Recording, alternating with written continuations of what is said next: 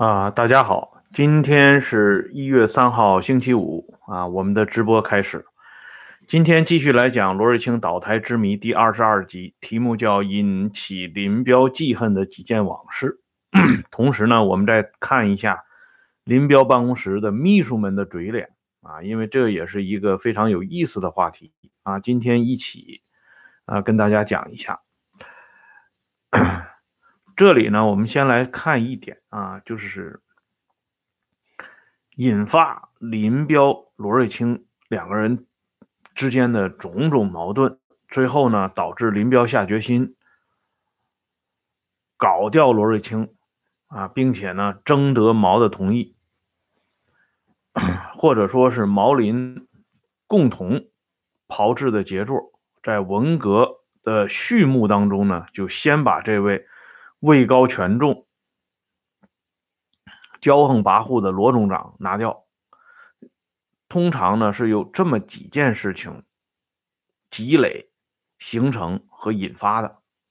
其中呢有一件事情是罗点点回忆的。这罗点点回忆这件事情很有意思啊。这个事情呢是发生在一九六五年，当时呢林彪啊，这个事情的起因是林彪。同罗瑞卿两个人在谈工作的时候，林彪不停的说过这么一句话，他说的，即使哈将来我有什么这个，就是等于说有问题的时候啊，我是不会牵连你们这些人的，不仅不会牵连你们这些人，我也不会牵连家属的。林彪当时不知是出于什么样的情况和背景啊，反复在说这句话。这件事情呢，我之前讲过，但是罗瑞卿的回答之前没有提过，这是罗点点回忆的。罗瑞卿是怎么回答的呢？罗瑞卿是这么说的啊，罗瑞卿的原话，罗点点有一个回忆，他说呢，林总啊，我想我们这些人。和主席的关系是棒打不散的。这个话说出来以后呢，我们想一下啊，这林彪当时的心情是什么样的？我们先来看一下这个古人呢，啊，就是明朝后期末年。我们都知道有一个大宦官叫魏忠贤。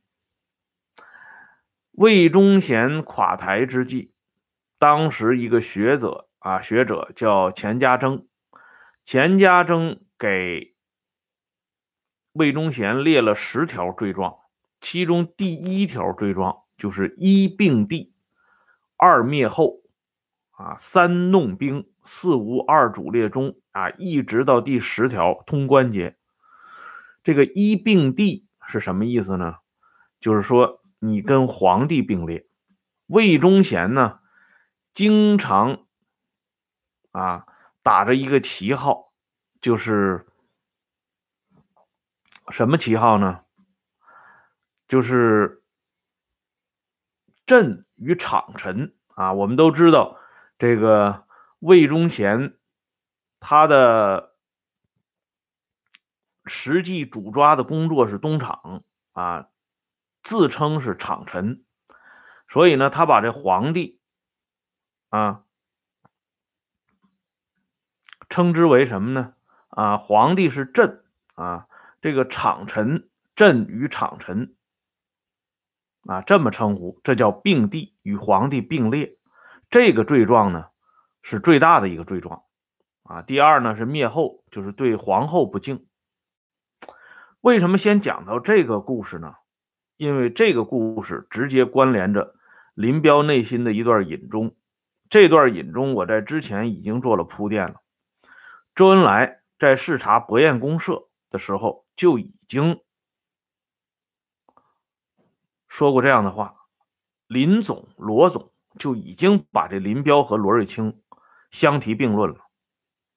后边呢，周恩来在给上海的驻沪部队的题词，那个著名的题词前面是林彪的啊那套口号，后边呢又是罗瑞卿的这个口号，又一次林罗并列。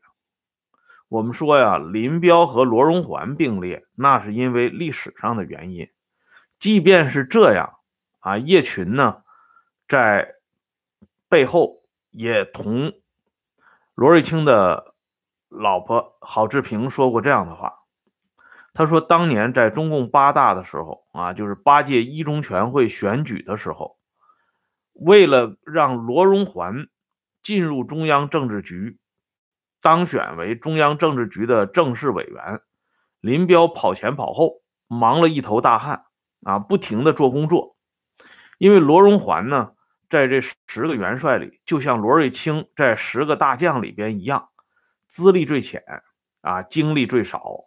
但是呢，他受到伟大领袖的眷顾最深啊，跟林彪的渊源也是相当深的啊。因此，叶群。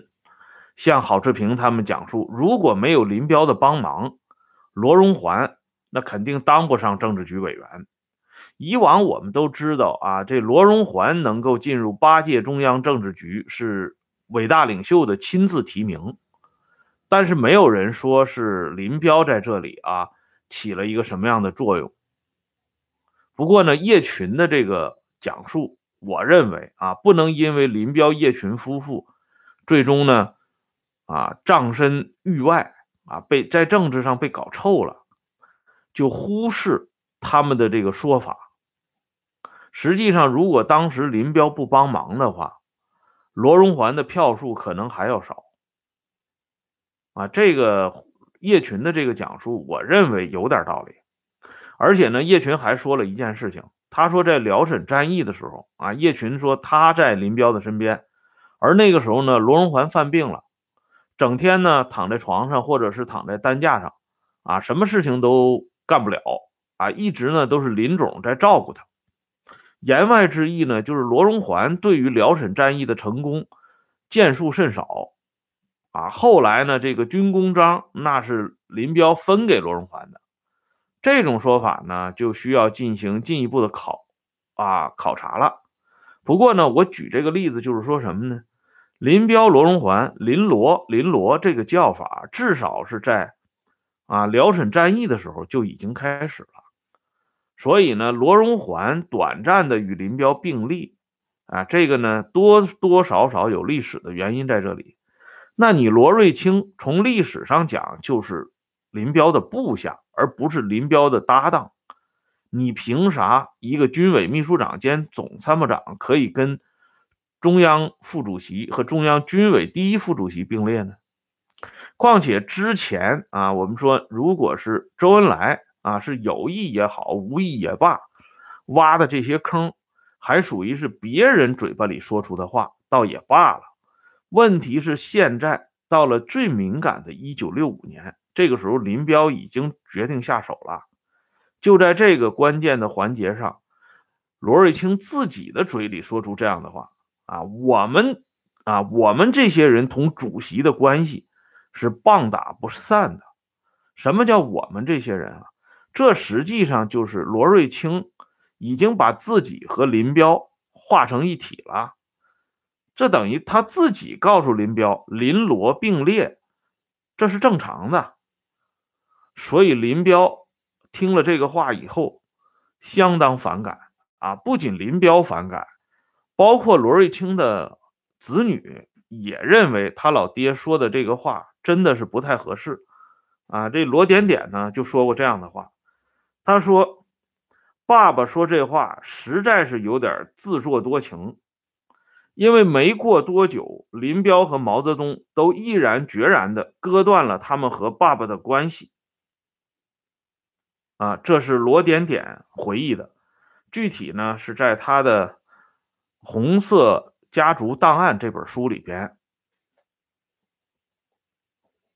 所以呢，我们就可以看到啊，这罗瑞卿呢，满心的以为自己和伟大领袖以及和眼前的这位林副主席的关系是棒打不散的啊。其实呢，到了罗瑞卿都已经被人家按到这个菜板子上的时候。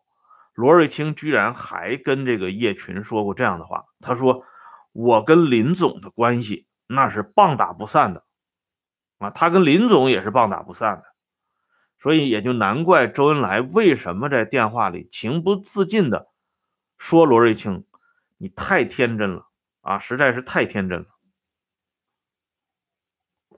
说到这里呢，我要回应一下昨天我们有一位网友在回复里边的提问，他说：“这罗瑞卿情商这么低吗？”啊，这里呢，我要跟大家简单说一下，不是罗瑞卿情商低呀。而是这形势喜人，形势逼人呐。为什么这么讲呢？我们不妨啊罗列一下这个总参谋长一九四九年以后这总参谋长和主持中央军委工作的这个主席啊副主席之间的这种关系啊。我们先看一下一九四九年以后，聂荣臻。当过总参谋长，毛泽东批评聂荣臻啊死人。张震回忆的啊，然后呢，他说聂荣臻啊，你天天坐在那个椅子上不动弹，我那个椅子是要收折旧费的啊，发了脾气的，这是张震亲眼目睹的过程。徐向前啊，毛泽东信不过，然后呢？是靠军功上位的大将粟裕，结果粟裕成了反教条主义的靶子。粟裕换掉以后是黄克诚，黄克诚更惨啊，成了军事俱乐部的主要成员。黄克诚之后罗瑞卿，罗瑞卿成了彭罗陆杨反党集团头子。罗瑞卿之后，杨成武代总参谋长杨于富事件主角。杨于富之后没有代总参谋长，直接总参谋长黄永胜，黄永胜就是判刑了啊，比杨成武还惨。到了黄永胜之后呢，啊，这个邓小平复出的时时候，干脆就是军委副主席兼总参谋长，结果呢，第三次被打倒。也就是说，我们数一下。一九四九年以后，林林总总的这些总参谋长，啊，或者说是在大局底定之后的这些总参谋长们，命运都不是特别好，有的甚至呢还不得善终。哎，就是说呢，这个总参谋长这个位置，可以说是放在火上烤的这么一个位置啊！别说你情商和智商，你再高。这个形式，这个体制也决定了你必然被搞掉。那么，这是伟大领袖同总参谋长之间的这个关系，主持军委工作的副主席同总总参谋长之间的关系又是什么样呢？彭德怀和粟裕之间的关系啊，难道不值得琢磨吗？林彪同罗瑞卿之间的关系难道不值得琢磨吗？林彪同杨成武之间的关系难道不值得琢磨吗？唯独两对儿。啊，关系非常融洽的彭德怀和黄克诚，他们哥俩关系非常好，结果双双落难，成为军事俱乐部的两个主要头子。林彪和黄永胜就不用讲了，啊，老上级老下级搭班子，结果最后呢，双双成为林彪集团的主犯。由此我们可以看，啊，这个罗瑞卿啊，最后他遭到这个下场。某种意义上讲，是带有一点必然性的。哎，就像这朋友说：“树欲静而风不止啊。”但是呢，这么多任总参谋长啊，包括这个红军时期、解放战争时期，特别是解放战争时期，这个历任总参谋长当中，只有一个人，那是玉树临风啊，屹立不倒。此人就是我们敬爱的恩来同志。周恩来在解放战争时期相助毛泽东，周恩来亲自兼任总参谋长，后来把总参谋长这个位置呢让给了彭德怀，因为那时候大局已定了啊。周恩来呢也不愿意担这个嫌疑，就把这总长的位置尽快的推了出去。只有周恩来啊，这是毛几次三三番要搞掉，而终于不能搞掉的，最终呢不得不采取下三滥的手段，把周呢活活憋死，啊，可以想见，罗瑞卿的情商和智商能跟恩来同志相提并论吗？所以，我们现在看这个罗瑞卿的下岗呢，不能独责罗瑞卿他的情商或者是智商，而是大势使然，形势比人强。好了，现在呢，我们再继续来看一下，这是罗瑞卿啊。让林彪感到记恨的一件事这里呢，我再顺便提一下，林彪在他刚刚进入到中央核心层的时候，比如说一九六六年和六七年的时候，林彪就特别注意啊，以往彭德怀、罗瑞卿这些人犯过的毛病。那个时候，林彪已经被确定为独一无二的副主席。已经被确定为这个呼之欲出的接班人了，但是林彪交代手下必须要做到突出主席。这个到了什么程度呢？就是林彪的秘书呢有过一个专门的回忆，他说当时呢，林彪要求啊这个林办的秘书要突出主席到什么程度呢？不准喊他永远健康的口号啊，因为那个时候大家都知道。老大呢是万寿无疆，老二呢是永远健康，所以林彪专门要把这个不准喊他永远健康的这封口述信，通过周恩来和中央文革散发到全党全军，就大家都要知道，啊，主席是唯一的，任何人不得跟主席并列，这是一点。再一个呢。就是他让林办的秘书啊，当然是叶群出面了，要求呢覆盖纪念林副主席八九讲话发表一周年之类的大字报和标语。这个林办的秘书呢两次上街，开着上海牌轿车啊，然后呢撕这个街上的大字报啊，结果呢两次受到人家的盘问啊，那你撕这个林副统帅的。呃，标语那还得了？但是呢，他一看啊，撕这个大大字报的这个人呢，也是来者不善，坐着这个上海牌的小轿车，穿着崭新的这个军装，所以呢，又亮明了身份啊。最后呢，就不了了之了。这个事情，这两件事情呢，突出了反映了林彪在上位之后呢，相当注意自己啊同伟大领袖之间的这种关系。事实上呢，这也是林彪汲取了前面这些人栽跟头的教训。当然，后边因为伟大领袖的招法太高了啊，诱敌深入，引蛇出洞，所以林彪也情不自禁的啊露出了狐狸尾巴，最终呢让伟大领袖抓住了小辫子，一举击溃。但是在一开始的时候，林彪在这方面呢是很注意的。相形之下，这罗瑞卿呢。或多或少有点利令智昏，至少是不够冷静啊！这种把自己不自觉的同林副主席，甚至呢是伟大领袖捆绑到一起的这种语言，本身就是犯忌的。这个呢，还是一方面。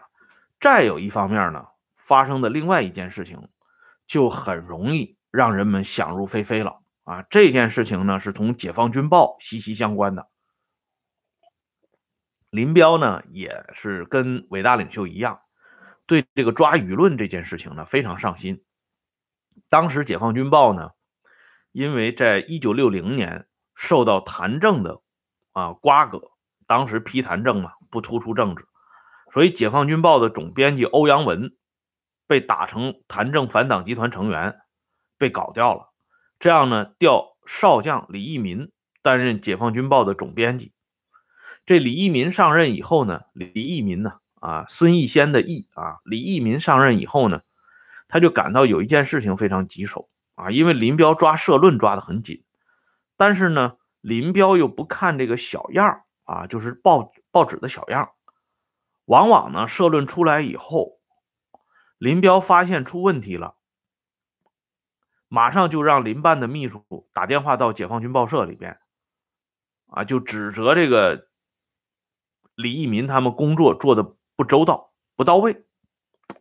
这李义民呢，就回应这个林办秘书的指责，他说这件事情呢，你们还怪不到我的头上，因为这个事情社论的问题，我已经请示了中共中央政治局委员、总政治部主任罗荣桓同志，罗帅是点了头、签了字的。这样呢，林彪听了以后就不吭气了啊，因为毕竟是罗荣桓点头了。林彪和罗荣桓当时的关系呢，至少表面上还是维持的。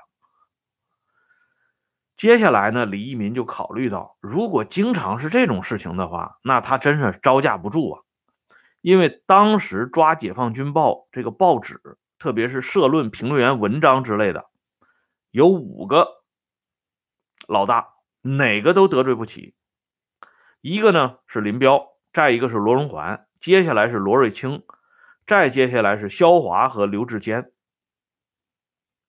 所以一个孩子五个娘，这李义民呢就决定，他一次送五份小样给这五位领导，啊，你这五位领导我都不得罪，每人送一份而且呢，李义民规定，只要这五位领导当中有一位领导批准和同意，那么。这个报纸的社论呢，就坚持发出去。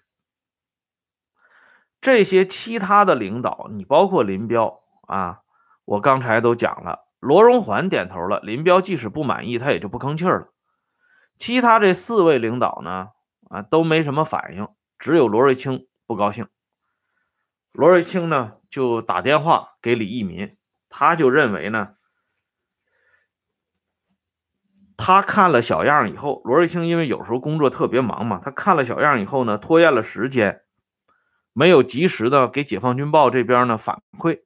可是解放军报呢，第二天这社论就见报了，所以罗瑞卿就不高兴，他就抗议啊，这抗议是带引号的，实际上是批评嘛。这样呢，李义民就如实的告诉罗瑞卿，说这个事情呢，啊，或者是罗帅。或者是肖主任、肖副主任，或者是刘副主任都已经批了，所以我就给他发了。哎，这罗瑞卿一听啊，就来脾气了。他说：“他们同意，你也应该给我打个电话呀，督促我一下呀。”言外之意，罗瑞卿就是说我跟他们能一样吗？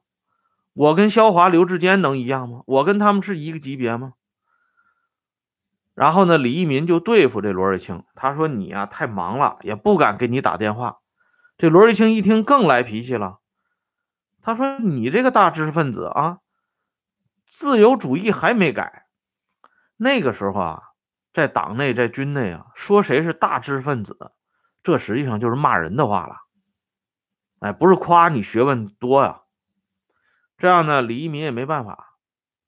以后呢，李一民照样这么办啊。罗瑞卿来过几次电话，骂过几次，以后一看。”这李义民也不改这毛病，就拉倒了。这件事情呢，实际上也反映了罗瑞卿这个人锋芒毕露的一面。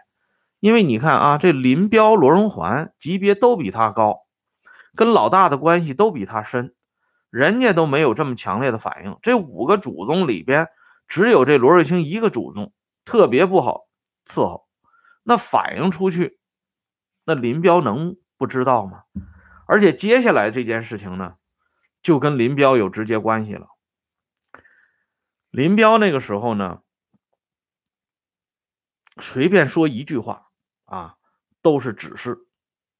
不说那个时候不讲最高指示，不讲次高指示，但是林彪的指示是重要指示，特别是相对于解放军来报，呃，解放军报来讲，那是主宗啊。所以他的这个指示呢，军报一定要登出来啊，不敢拖延。可是呢，这麻烦就来了，因为林彪有时候他是即兴讲的话，他即兴讲的话登出来以后呢，林彪看到报纸以后，他又感觉这个东西是不是同中央提出来的，甚至说同伟大领袖提出来的东西有抵触的地方，于是呢，他就加以否认。有一次啊，林彪在广州养病期间，在广州军区讲了这么一次话。他说呢，就是将军下连队，那个时候是普遍将军下连队。我们看过一个照片嘛，就是许世友啊，还当过班长嘛，下到部队里边啊。那时候讲究将军下连队要执行五同，但是林彪说呢，这个五同有些同志呢也同也不同。这个讲话稿呢是由秘书整理的，送《解放军报》就发表了。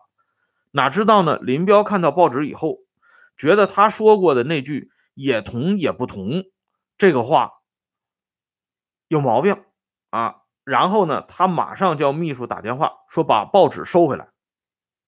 这个《解放军报》的副总编辑啊，跟林彪跟得很紧的这个唐平柱呢，接到电话以后，赶紧向李义民汇报。他说报纸啊已经发出去了，现在林总那边来电话要收回来，这不好办呐。那是两百多万份报纸啊，怎么能一下子收回来？这李义民就特别恼火。这李义民这个人啊，这个脑子就是属于这个，我们讲这个人有点这个强项啊，这个人就是骨头比较硬，特别喜欢抗上。所以呢，他就直接给林办的秘书打电话，给林彪办公室秘书打电话，他说报纸已经发出去了，收不回来了。这秘书呢，啊也不客气，就告诉这《解放军报》的总编辑。说国内收不回来算了，但是发到国外的大使馆的报纸必须收回来。这个东西啊，影响太大了。林总讲的也同也不同，跟军委的规定是有矛盾的，这是内部交代的啊，不能登在报纸上。你们解放军报的啊同志看稿也太不仔细了。这李义民呢，憋了一肚子火。你一个办公室的秘书，凭啥训这么一个老资格的？那实际上，李一民跟林彪那是前后届的校友啊，都是吃黄埔军校饭长大的。啊，你一个小秘书，颐指气使，就这么数落这个《解放军报》的总编辑啊？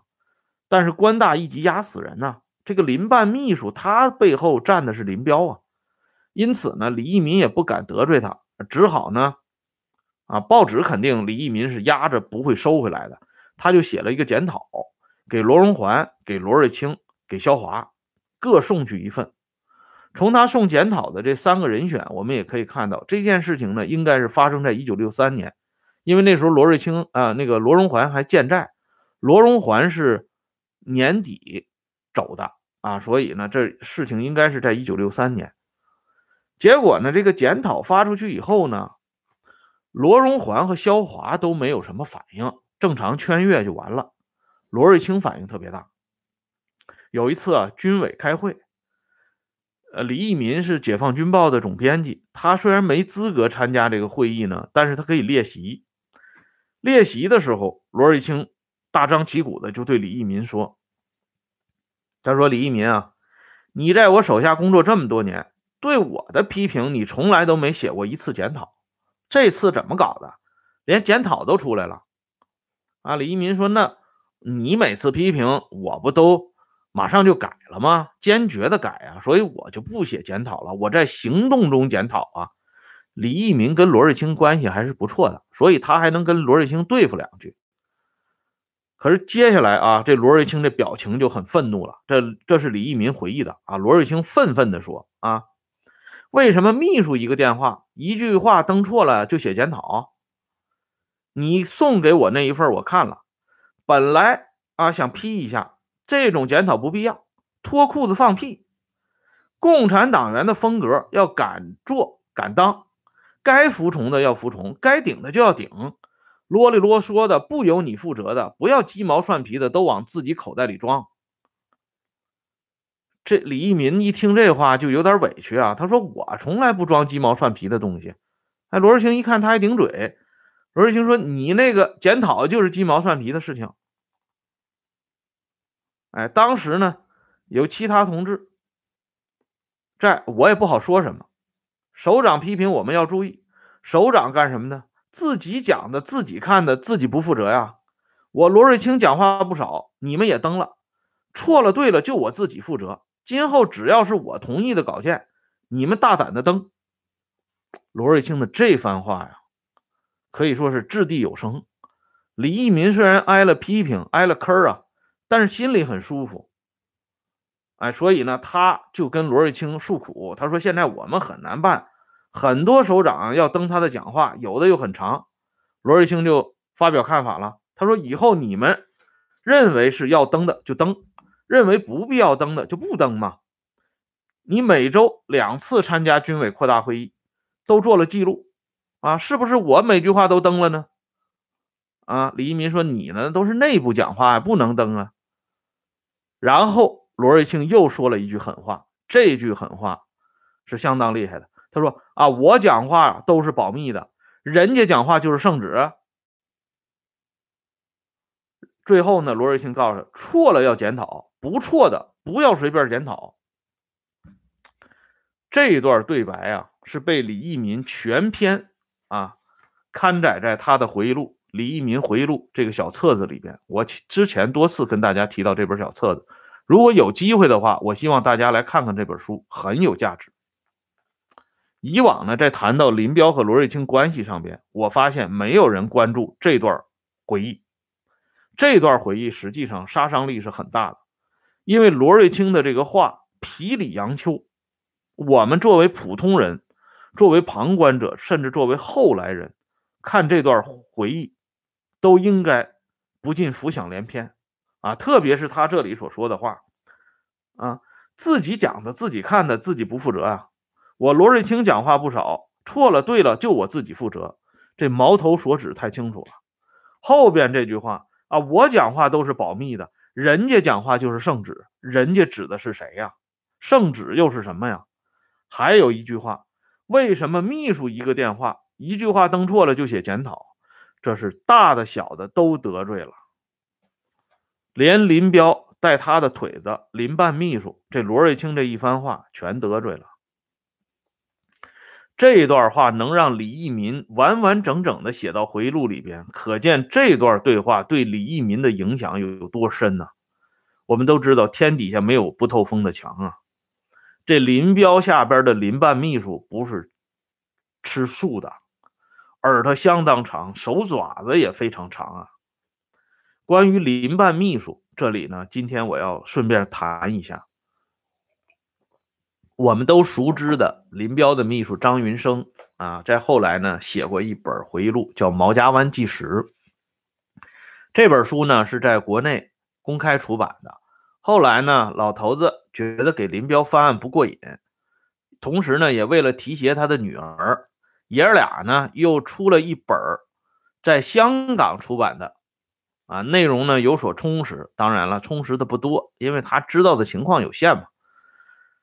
关于林办秘书的这些人的嘴脸呢，张胜就是张爱萍的儿子张胜说过这样一句话，啊，他在回忆录啊记记载他老爹的这个事情里边的回忆录了，提到这样一句话，他是这么讲的，他说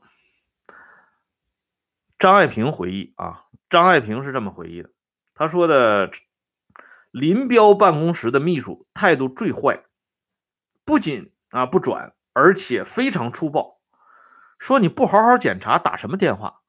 因为那个时候呢，张爱萍有冤没处伸，他呢就给林彪打了电话。那个时候张爱萍还挺尊重林彪的，但是没想到呢，这林办的秘书态度这么坏，因此呢，这个张胜。后边有一段评价啊，我给大家念一下。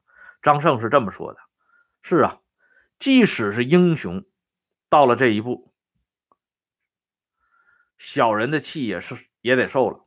我常常看到啊，小摊上卖的一些刊物，登载一些林彪身边人写的文章，都是把自己打扮的如何无辜无瑕，不知这些文章的作者是真是假。”啊，张胜的这个提问相当有意思这个可以说是入骨三分呐，把这个事情呢是一语道破啊。林办的秘书到底是一个什么样的状态？而罗瑞卿指责一个秘书一个电话就登检讨这样的话，啊，他所得罪的林办秘书恐怕就不是一个两个了。